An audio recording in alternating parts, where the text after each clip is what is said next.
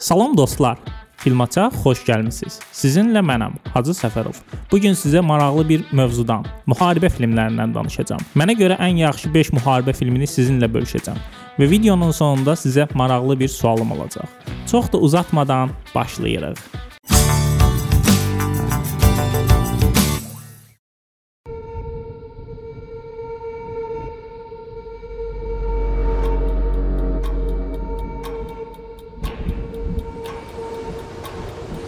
Siyahımın 5-ci yerində olan film Christopher Nolanın Dunkirk filmidir. Əslində mən bu filmi çox da sevmirdim. Kinoteatrlara çıxdığı zaman elə orada izləmişdim. Filmi çox da sevməməyimin əsas səbəbi bu idi ki, film mənə dəhşətli dərəcədə baş ağrı vermişdi və buna görə də düşünürdüm ki, bu film o qədər də yaxşı deyil. Lakin 2-ci Qarabağ müharibəsi zamanı filmin mənə yaşatdığı baş ağrı, stress və narahatlığı həqiqətən realda da yaşadım. Və buna görə də bu filmin böyüklüyünü başa düşdüm. Başa düşdüm ki, film əslində nə qədər realdır.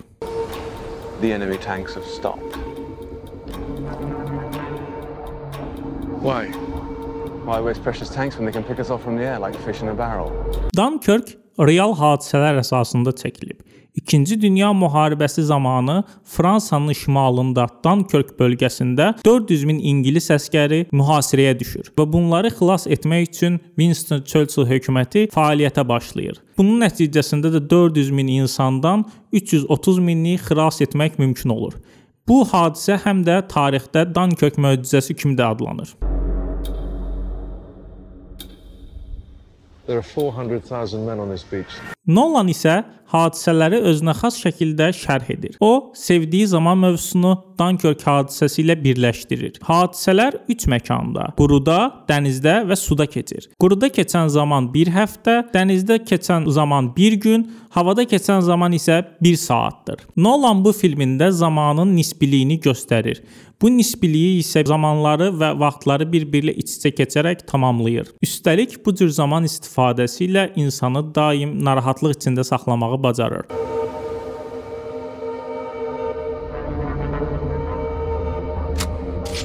He's coming back round. He's coming back round! Təsadüfi deyil ki, film ən yaxşı montaj, ən yaxşı səs nominasiyalarında Oskar mükafatı qazanıb. Ən xırda detala qədər səs miksajının edilməsi və montaj ilə filmin tempinin bir an olsun belə düşməməsi həmin Oskarın niyə verildiyini bizə aydın edir. Mən sizə tövsiyə edərdim ki, əgər bir gün imkanınız olsa, bu filmi mütləq böyük pərdədə izləyin. Çünki burada elə səs effektləri, elə montaj və elə görüntülər var ki, onu sehrli ağ pərdədə izlədiyimiz zaman effekti daha böyük olacaq olacaq. Təsadüfi deyil ki, bu film həm də ən çox kassada gəlir əldə edən 2-ci Dünya müharibəsi filmidir. Yəni filmin uğuru həm də insanlar arasında da geniş şəkildə qəbul olunub. Beləliklə keçirəm 4-cü filmə. And there ain't no world but this one. I've seen another world. Sometimes I think it was just my imagination. Siyahımın 4-cü yerində Terence Malick'in İncə Qırmızı Xətt filmi var. Terence Malick iki möhtəşəm film çəkəndən sonra 20 illik inzivaya çəkilir.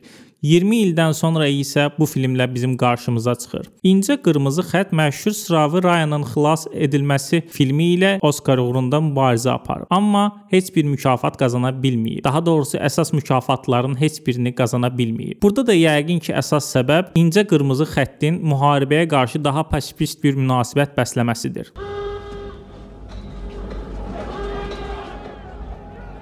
Go first, I'll wait for you there.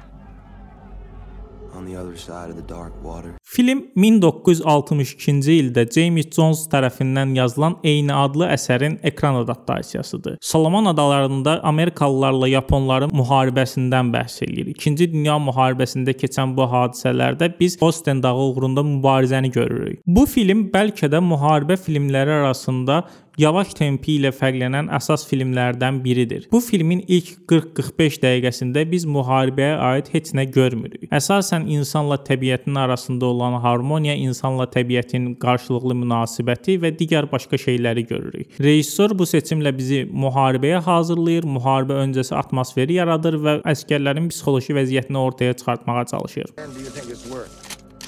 How many lives? There's nowhere we can hide except in each other.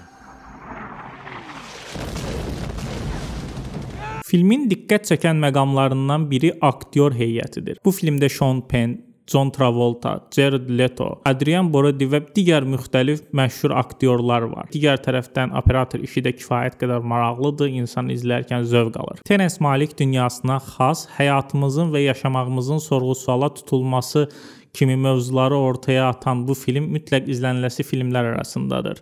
Beləliklə keçirəm 3-cü yerə.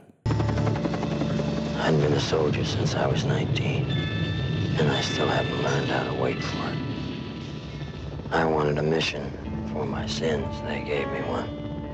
Siyahımızın 3-cü yerində Xaç atası filminə görə dünya şöhrəti qazanan və bir çox izləyicilər tərəfindən də həmin filmə görə tanınan Francis Ford Coppola'nın 1979-cu ildə çəkdiyi Qiyamət filmi var. Francis Ford Coppola Xaç atası filmində olduğu kimi bu filmdə də baş rolda Marlon Brandonu çəkib.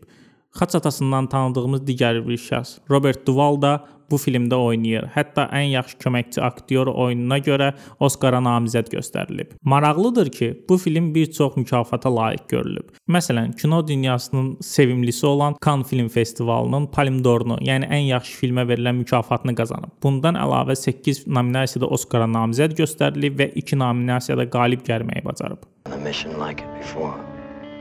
And when it was over, I'd never want another one. Your mission is to proceed up the Nung River in a Navy patrol boat. Haqqında danışdığım ilk iki filmdən fərqli olaraq bu film Vyetnamla Amerika arasında olan müharibədən bəhs eləyir. 2-ci Dünya müharibəsi haqqında deyil. Bu müharibənin 2-ci Dünya müharibəsindən fərqi odur ki, Amerikanlar bu müharibədə ilk dəfə məğlub oldular. Bu məğlubiyyət Amerikanın prestijinə böyük zərbə vurdu. Elə bu tərəfdən də filmi analiz etmək, filmin siyasi və ictimai tərəflərini analiz etmək mümkündür, lakin filmi unudulmaza çevirən onun psixoloji məqamlarıdır. My orders say I'm not supposed to know where I'm taking this boat, so I don't. But one look at you and I know it's gonna be hot. Qiyamət filmi Joseph Conradın Qaranlığın ürəyi Heart of Darkness əsərinin sərbəst ekran adaptasiyasıdır.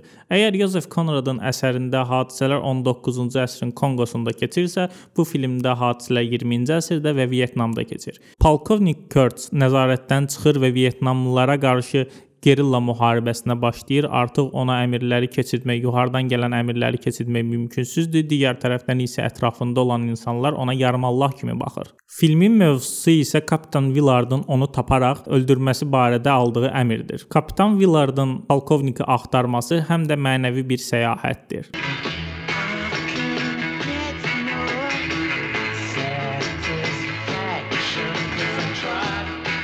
Pick your boat up and put it down like a baby right where you want it. This is the first of the night. Air calf, son. Film insanların qaranlıq tərəfini, müharibə nəticəsində bu qaranlıq tərəfin ortaya çıxması və tanınmaz hala gəlməsi barəsindədir. Filmin montajçısı Walter Murch göz qırpımında əsərində deyir ki, film ümumilikdə 200 saat materiala malik idi. Biz isə bunu montaj etdik və 2 saat yarımlıq bir nəticə ortaya çıxdı. 200 saatlıq bir materialı montaj edərək bu qədər qısaltmaq hər nə qədər çətin olsa da, filmin bütün ruhunu və məntiqini qorumağı bacarıblar. Coppola Amerikan şuurunun ehtiyacı olan avtoritar lideri bu filmdə bizə göstərməyi bacarır. Film ən yaxşı operator işinə görə Oskar mükafatı qazanıb. Beləliklə Coppola'nın şah əsərini sizə mütləq izləməyi tövsiyə edirəm və ikinci yerdə olan filmimə keçirəm.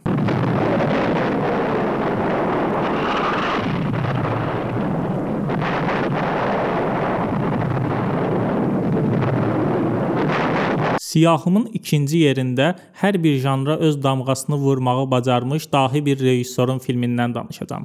Söhbət Stanley Kubrickin 1957-ci ildə çəkdiyi Path of Glory, Şərəf yolu filmindən gedir. Bu filmin baş rolunda Kirk Douglas oynayır. Kubrickin cəmi 29 yaşında çəkdiyi və ona şöhrət qazandıran filmdə hadisələr 1-ci Dünya müharibəsində baş verir. Just what you can do with that promotion.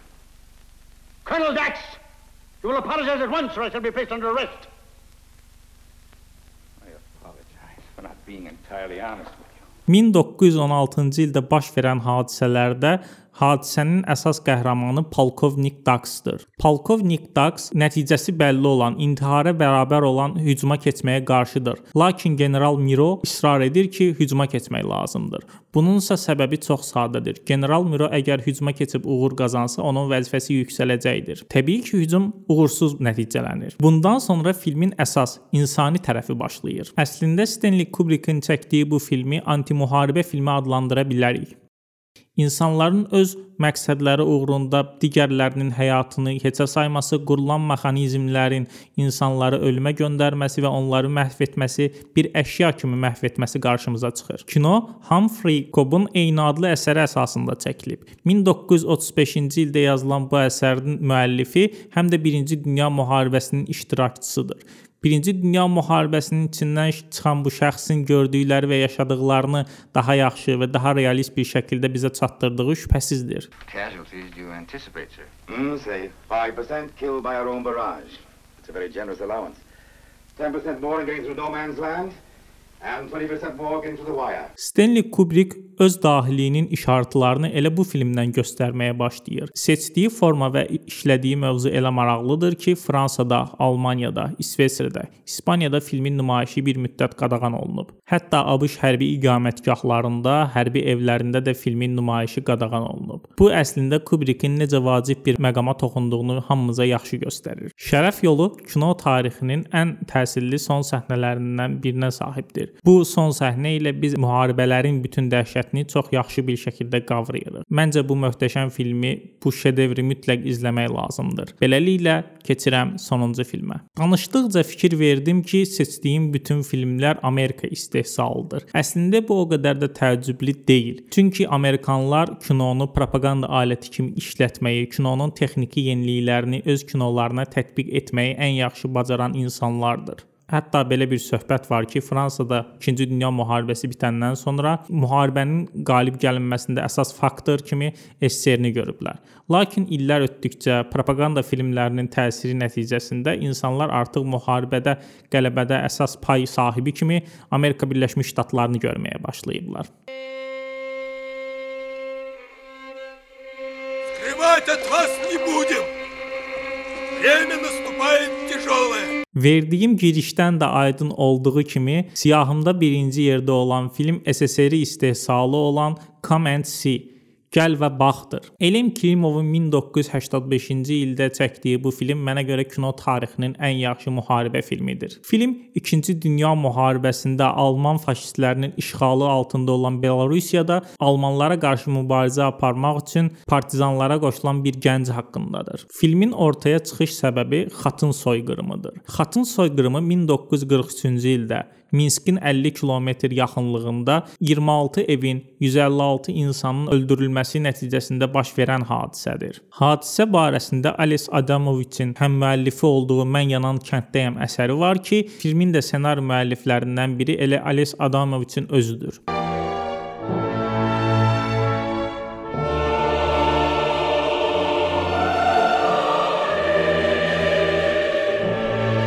Filmin maraqlı nüanslarından biri budur ki, Elem Klimov filmi çəkmək üçün 8 il senzuraya qarşı mübarizə aparıb. Filmi bitirdikdən sonra isə bir daha film çəkməyib. Müsahibələrin birində Elem Klimov deyir ki, mən daha çəkə biləcəyim hər şeyi çəkdiyimi düşündüm. Faşistlərə qarşı mübarizə aparan bir gəncin Floranın hekayəsi yəqin ki, kino tarixində gördüyümüz ən dəhşətli böyümə hekayəsidir. Başına gələnlər və gördüyü dəhşətlər qarşısında çox qısa bir müddətdə gənc olan Flora artıq qocalmış bir insana çevrilir. İnsanların düşdüyü amansız vəziyyət insanı kinonun içinə çəkir.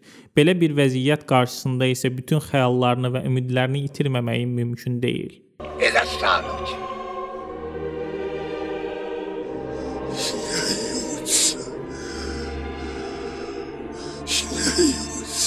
Elə Floranın da başına bu gəlir. Şərəf yolu filmində olduğu kimi bu filmin də bitiş səhnəsi əfsanəvidir. Hitlerin şəkli ilə qarşılaşan gənc Flora ondan öz əvəzini çıxmağa başlayır. Beləliklə tarixin gedişatını dəyişməyə çalışır. Nəticədə isə nəfəsimizi tutub izləyəcəyimiz görüntülər qarşımıza çıxır. Mən bu filmin Fəryad filmi ilə oxşarlığı olduğunu düşünürəm. Əminəm ki, Ceyhun Mirzəyev və Vaqif Mustafayev bu filmi yazarkən Kamensidən mütləq təsirləniblər. Çünki Fəryad filmində də hiperrealist mənzərələr qarşımıza çıxır. İnsanlığa qarşı olan böyük humanizm bu filmin də əsas özəyini təşkil edir.